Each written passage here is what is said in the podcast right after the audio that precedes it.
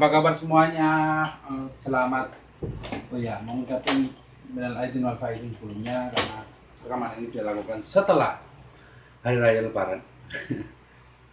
Meskipun agak jauh sih. Eh, halo, selamat datang di podcast milik saya untuk tanggal bentar, berapa ini ya? Hmm.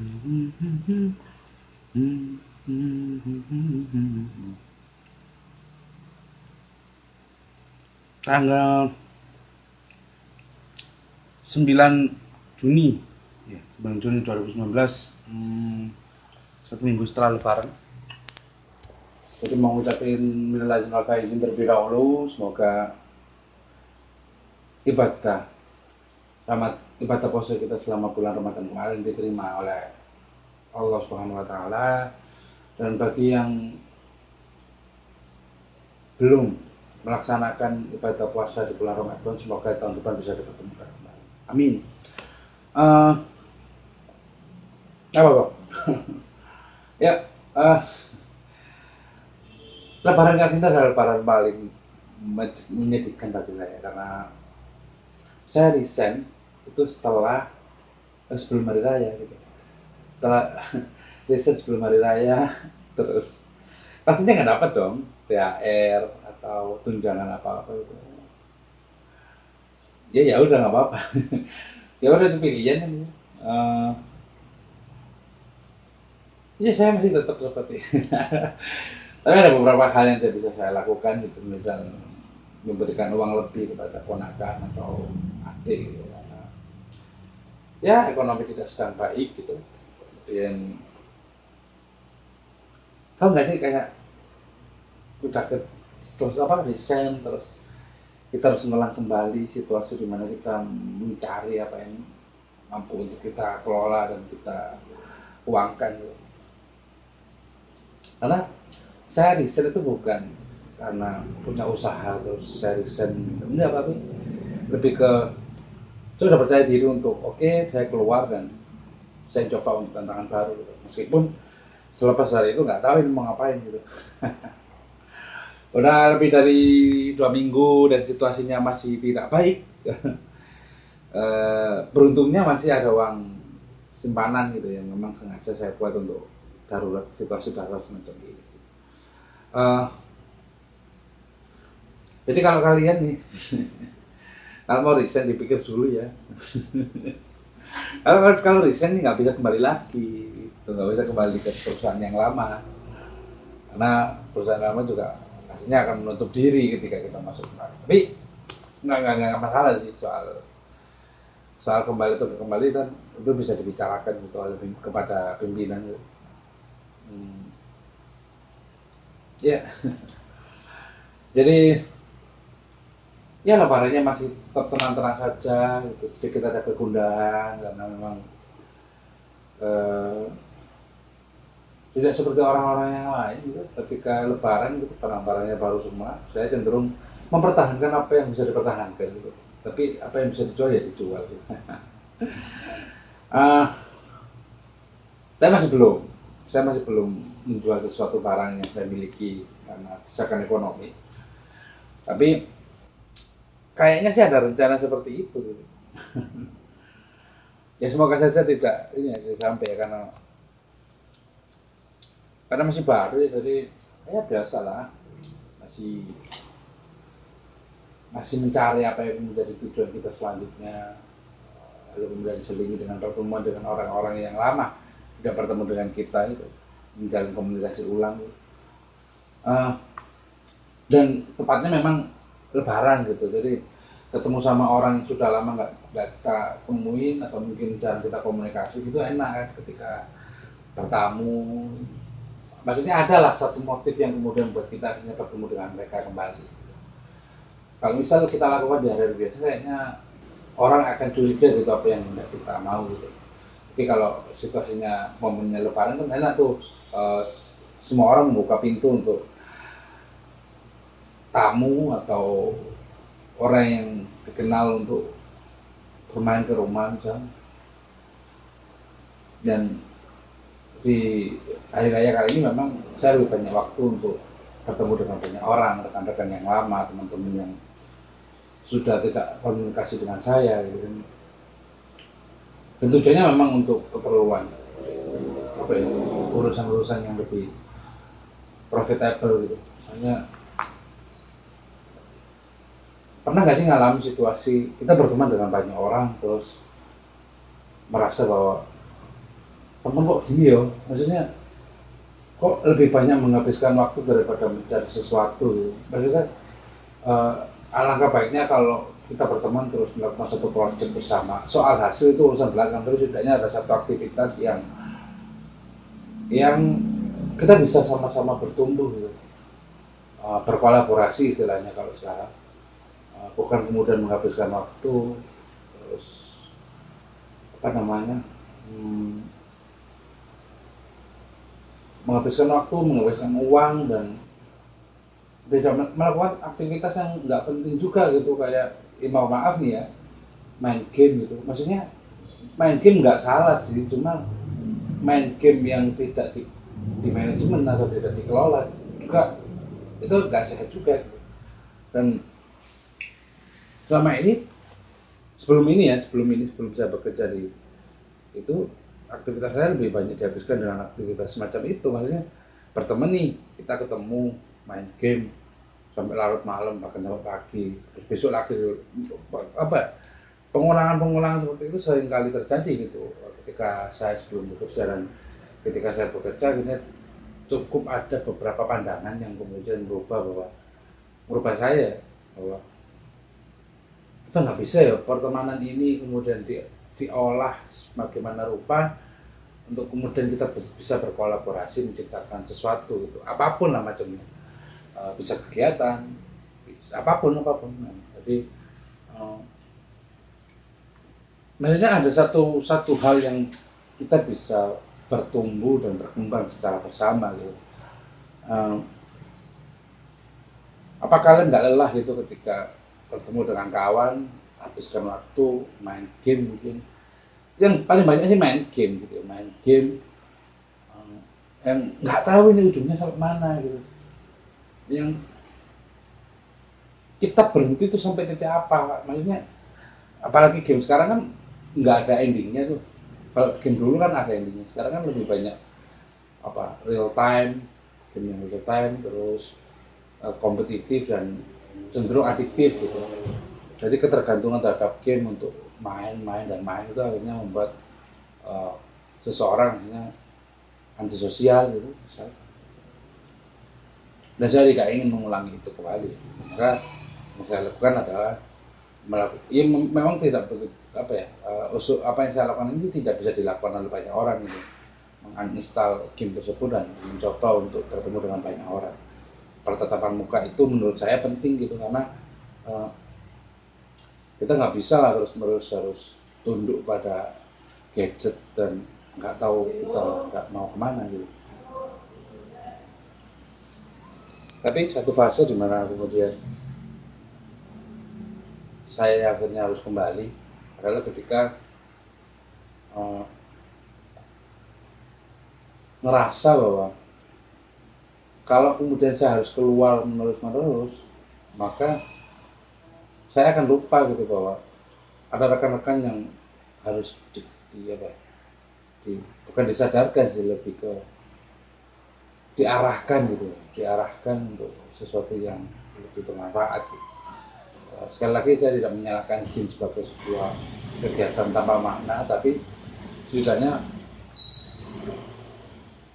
apa ya mengelola kebiasaan bermain itu menjadi sesuatu yang lebih berdaya gitu tidak dilakukan uh, di Ramadan kali ini oh di Ramadan di hari raya kali ini saya saya bukan saya akan saya sedang melakukan upaya itu untuk untuk kebaikan saya sendiri karena pasca resign pastinya sesuatu gejolak ekonomi akan terjadi gitu. Uh, pekerjaan juga makin tidak jelas apa yang hendak saya lakukan meskipun uh, saya apa ya bilang mengaku saya bisa melakukan sesuatu tapi kalau tidak ada orang yang mau membayar ya kita nggak tahu dong. Karena makanya saya mencari orang yang mau membayar saya gitu dan uh, saya tidak ya sedikit khawatir tapi nggak begitu ya. Maksudnya resah iya tapi khawatir enggak ya. Hmm, tapi keresahan ini saya kira hanya ya biasa lah nalur apa ya uh, banyak terjadi gitu bagi orang-orang yang resign terus nggak punya kerjaan. Uh, keputusan ini bagi saya beruntung karena dilakukan sebelum saya memiliki pasangan atau menikah mungkin. Karena uh, pengeluaran saya gitu uh, ketika memutuskan untuk ini tidak begitu terpengaruh. Karena saya punya simpanan dan uh, ya saya mencari untuk siapa orang yang membayar saya atas kompetensi dan kemampuan saya untuk untuk bekerja di, di bidang yang, yang mereka butuhkan. Uh, dan podcast ini membantu saya untuk kemudian mampu untuk bercerita dan mengungkapkan keresahan karena sejak awal podcast ini berdiri juga adalah medium saya untuk bercerita. Uh, saya nggak tahu cerita saya bagus atau enggak, tapi setidaknya ini menyenangkan bagi saya dan itu cukup gitu. Uh, ya meski inginlah semua orang kayaknya ingin untuk karya apa ya karyanya itu diapresiasi tapi bagi saya kalau kemudian ada yang mengapresiasi saya terima kasih gitu tapi hmm, berawal dari ke, apa ya keresahan dan keinginan saya untuk bercerita atas apa yang saya alami apa yang saya lakukan dan medium ini menjadi salah satu cara bagi saya untuk mengekspresikan gitu kan. Ya. Masalah menyenangkan. Uh, tapi bagi kalian yang mendengarkan nih pernah gak sih kalian ketika lebaran? Terus iya. Uh, di lebaran sering ada pertanyaan-pertanyaan aneh yang sering diungkapkan sama kerabat kah, saudara atau apa pun siapa pun lah orang terdekat kita atau mungkin orang yang kita kenal gitu. Soal pernikahan, soal pasangan gitu. Uh, bagaimana ini pendapat kalian gitu? Apakah masih jengah dengan itu atau muak atau sebel atau bagaimana gitu? Uh, karena tahun ini saya tidak begitu banyak gitu orang yang menanya. Ya meskipun ada tapi cuman ya hahaha. Di saya cuma gitu doang gitu dan uh, apa ya mengomentari orang-orang yang mengatakan seperti itu atau bertanya seperti itu uh, adalah sesuatu yang apa ya nggak nggak guna juga gitu kan muspro lah pastinya. Ini lebih baik kita tertawa gitu. Maksudnya bahasa yang paling tepat adalah kita tertawa gitu. kita tertawa dan memberikan pertanyaan balik itu kepada mereka di luar dari pertanyaan tersebut. Maksudnya kalau misalnya ada pertanyaan e, kapan nikah? Terus bilang aja oh. atau mungkin pertanyaan pertanyaan yang jauh dari apa yang mereka tanyakan gitu. Kapan nikah? Kemudian jawab aja e, udah sampai dari mana gitu? Atau mungkin e, sebelumnya ke mana? Kok ke sini jam segini? Gitu. Dan ngapain gitu orang-orang tanya gitu dan apa apa gitu? Apa motif orang nanya seperti itu dan maksudku oke okay lah kalau kemudian itu bertanya oke okay lah kalau kemudian itu dianggap sebagai sebuah candaan. Tapi apa ya segitunya ya? Tapi tak apa lah. Namanya juga orang. Ada mereka kadang-kadang juga kadang-kadang terpelecut untuk ngomong yang tidak mereka inginkan gitu bukan yang template ya sifatnya bukan template gitu tapi lebih ke sesuatu yang kayaknya nggak perlu ditanyakan deh gitu. Dan mereka nggak sepakat dengan apa yang saya tanyakan sering kali tapi uh, mereka juga kadang-kadang merasa tidak milik tidak apa ya, tidak sadar diri bahwa apa yang mereka tanyakan itu sering kali juga menyakitkan bagi orang yang ditanyai seperti itu ditanyai kapan nikah dan macamnya gitu. Ya. Saya sih biasa aja ya udahlah. Emang memang wataknya seperti itu mau gimana tapi memang ada saudara-saudara yang cukup tahu itu yang uh, bisa memahami gitu. Nggak perlu tanya-tanya gitu karena memang macam-macam lah. Maksudnya saya kemarin nemu sih istilah bagus atau mungkin ya. Kuat bagus soal negara kita tuh masih belum bisa menerima bahwa ada orang yang dia nggak mau menikah gitu.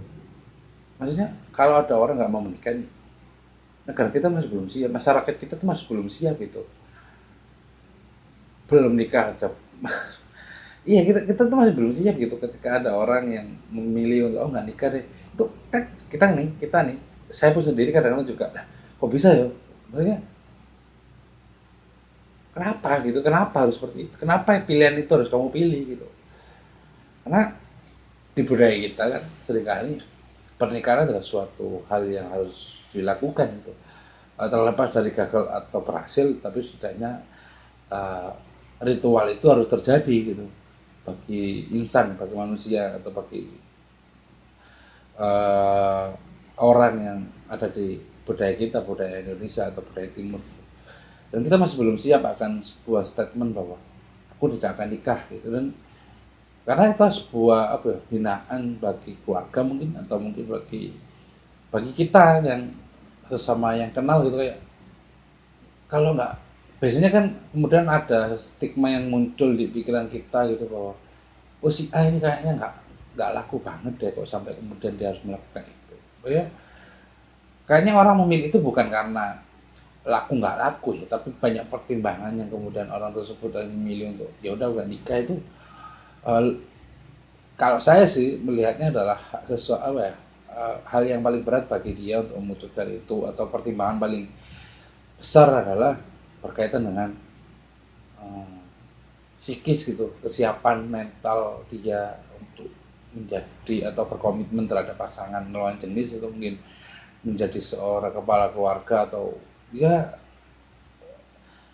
besar pertimbangannya adalah tentang kesiapan mental itu dan uh, mental tersebut terbangun bukan tiba-tiba tapi memang ada satu kejadian yang berkaitan satu dengan yang lain gitu.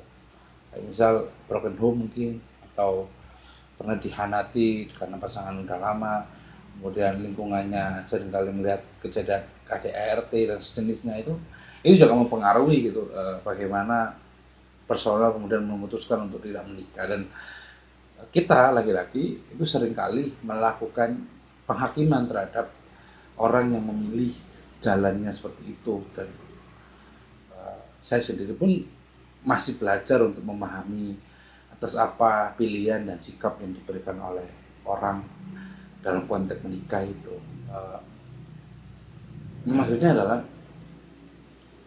ya janganlah maksudnya kasihan lah atau mungkin jangan kasihan lah maksudnya saling tahu lah untuk kemudian pilihan itu dipilih bukan atas pertimbangan putus asa memilih pasangan tapi lebih ke kesiapan mental akan situasi di mana dia harus menikah dan kesiapan mental akan bagaimana dia harus menjadi sebuah kepala apa menjadi kepala rumah tangga di hari esok karena pastilah dewasa lah orang-orang tersebut. Mereka juga punya dasar atas apa yang dia pilih. Karena orang memilih pastinya tahu dong apa yang akan terjadi. Maksudnya konsekuensi apa yang diterima itu paham kan? Jadi nggak nggak mungkin lah orang yang memilih sesuatu itu tanpa tahu konsekuensinya. Apa pun ya apa pun itu kayaknya sih gitu. Tapi nggak tahu sih kalau kemudian uh, perumpamaan itu kemudian disandingkan dengan perumpamaan orang mencintai atau apa gitu. Tapi sudahnya uh, ketika orang memilih atas suatu hal mereka sebetulnya sudah tahu akan konsekuensi atas apa yang dia pilih kita sebagai orang sebagai teman sebagai apa tetangga atau saudara itu ya tugas kita tidak kemudian melakukan intervensi atas pilihan itu tapi lebih ke memahami dan hmm, membuka tangan apabila keputusan itu salah bagi dia gitu. Uh, kira itu sih. Oh udah berapa menit nih ngomong berapa uh, itu saja untuk kali ini dan semoga hari raya kalian tetap menyenangkan karena besok udah masuk kerja ini kalian. Hmm, saya ucapkan terima kasih dan mohon maaf lahir dan batin atas apa yang pernah saya ucapkan. Apabila ada kata dalam uh, rekaman podcast yang ya tanda-tanda kutip sering berbicara kotor, kasar atau mengolok salah satu pihak. Saya mohon maaf karena memang apa yang saya rekam ini tidak disensor, um, murni apa yang ada dalam pikiran saya, apa yang saya pikirkan selama seminggu, dua minggu atau sebulan. Apa, maksudnya apa yang saya pikirkan kemudian saya, saya ucapkan di podcast ini. Kalaupun ada yang merasa keberatan atau tidak terima, silakan kirim email ke podcast milik saya @gmail.com atau ke Instagram saya pribadi di Nasfa Ahmadi. Silahkan DM saja nggak apa-apa. Nanti saya pasti saya bales. Karena ya kalau follower masih 700 mah masih sempat lah balas-balas uh, saya kira itu saja dan sampai jumpa di pertemuan selanjutnya. Jaga apa semoga saya selalu. Uh, kemudian uang THR masih belum habis kan? Uh, sekian sampai ketemu di podcast selanjutnya. Sayonara